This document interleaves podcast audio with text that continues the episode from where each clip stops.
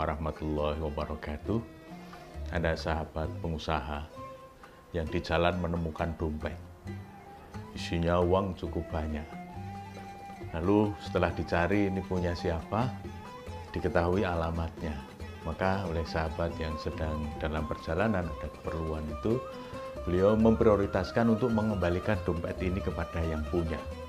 Setelah dicari, naik beca, ketemu sebuah rumah mewah, ada namanya persis, nah diketoklah, dipencet belnya, akhirnya yang punya keluar.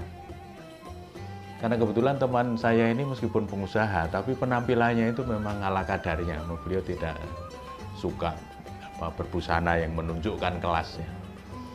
Hanya pakaian seperti orang biasa. Nah, begitu dibuka, lalu disampaikan maksud untuk membalikan dompet itu yang diterima bukan ucapan terima kasih tapi justru tuduhan. Karena teman saya ini dituduh yang mencuri dompet anak bapak pejabat itu tadi. Teman saya ini tahu kenapa bapak itu pejabat karena ada mobil plat merah yang ada di dalam. Ini sesuatu yang di luar dugaan terutama bagi teman saya seorang pengusaha yang dituduh sebagai pencuri. Setelah dijelaskan bahwa saya menemukan dompet ini di jalan, baru kemudian bukannya minta maaf, tapi kemudian membuka dompet itu, dihitung, masih utuh, lalu diambil satu, diberikan kepada teman pengusaha ini. Tentu teman ini menjawabnya, terima kasih Pak, saya tidak bermaksud untuk itu, silahkan diambil. Singkat cerita, teman saya ini masih merasa sakit sampai sekarang. Kenapa ada orang yang ketika ingin dikembalikan dompetnya malah menuduh yang sebaliknya. Nah ini kan betul-betul meremehkan orang yang datang dengan niat baik. Setelah cerita itu, lalu istri saya iseng-iseng di media sosial bikin pertanyaan siapa yang punya pengalaman diremehkan. Rupanya yang jawab banyak. Saya pun saya dan sampai sekarang rasanya masih sakit kalau ingat. Nah rupanya diremehkan orang itu menyakitkan. Ada dua hal yang meremehkan tentu orangnya sangat sombong karena melihat orang lain sebelah mata. Tapi efeknya bagi yang menerima rupanya juga sakitnya itu bisa dalam betul. Maka betul kata Rasulullah Muhammad SAW yang disebut kibir itu adalah batorul haq wahum tunnas. Hadis yang diriwayatkan oleh Imam Muslim. Jadi yang disebut sombong itu menolak kebenaran dan meremehkan orang lain. Di dalam sarah hadis diterangkan menolak kebenaran ini sebetulnya lebih kepada kebenaran hakiki dari Allah Subhanahu wa taala bersifat ukhrawi. Sementara yang meremehkan orang itu lebih bersifat horizontal. Banyak orang yang merasa besar, merasa lebih hebat dibandingkan dengan orang lain, dan kemudian looking down. Dia melihat dengan sebelah mata bahwa orang lain itu jauh di bawah dia. Meskipun pejabat, sebetulnya yang bersangkutan tidak lebih hebat dari teman saya yang pengusaha ini. Tapi itulah yang namanya orang yang sombong. Karena itu yang disebut dengan kesombongan dan kebiasaan meremehkan orang lain itu dilarang betul oleh agama.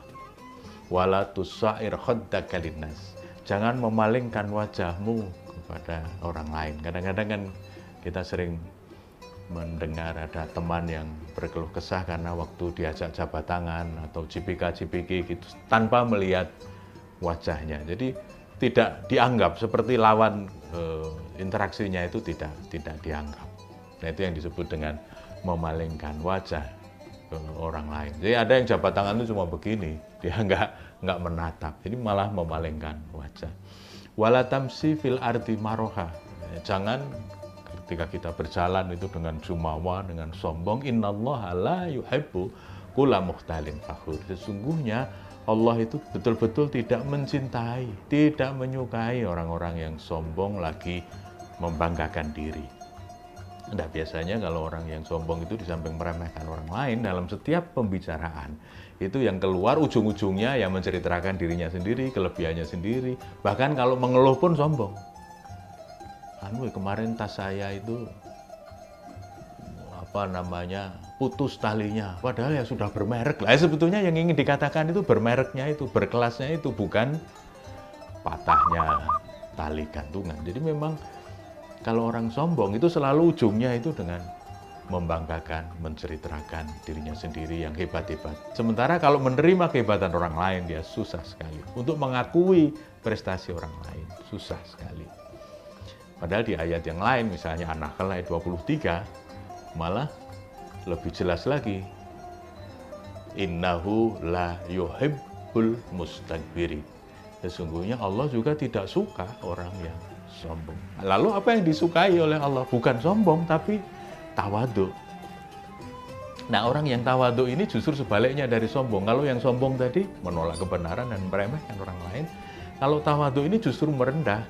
Dia ingin orang lain tidak tahu kapasitas yang sebenarnya dari yang bersangkutan. Dia berpakaian juga biasa saja. Dia tidak pernah menceritakan kehebatan, pengalaman dirinya yang hebat-hebat ya biasa saja. Dia berinteraksi dengan siapa pun, tidak ada kendala karena orangnya tawadu. Nah justru ketika yang bersangkutan ini tawadu, Rasulullah Muhammad Sallallahu Alaihi Wasallam dalam riwayat Muslim mensabdakan begini, wa doa ahadun lillah. Jadi tidak ada orang itu yang tawadu dan semata-mata lillah illa rafa'ahullah kecuali dia akan diangkat derajatnya oleh Allah.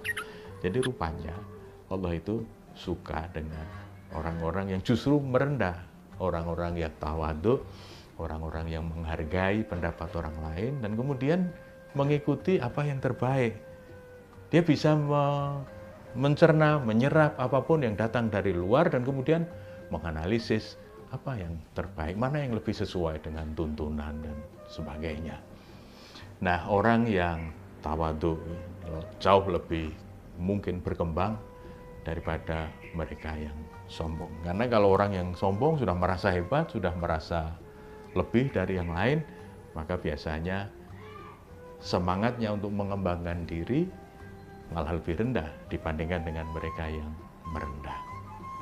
Nah, pemirsa, orang yang terhormat itu tidak perlu lagi meminta orang lain untuk menghormati dia karena memang yang bersangkutan sudah terhormat. Assalamualaikum warahmatullahi wabarakatuh.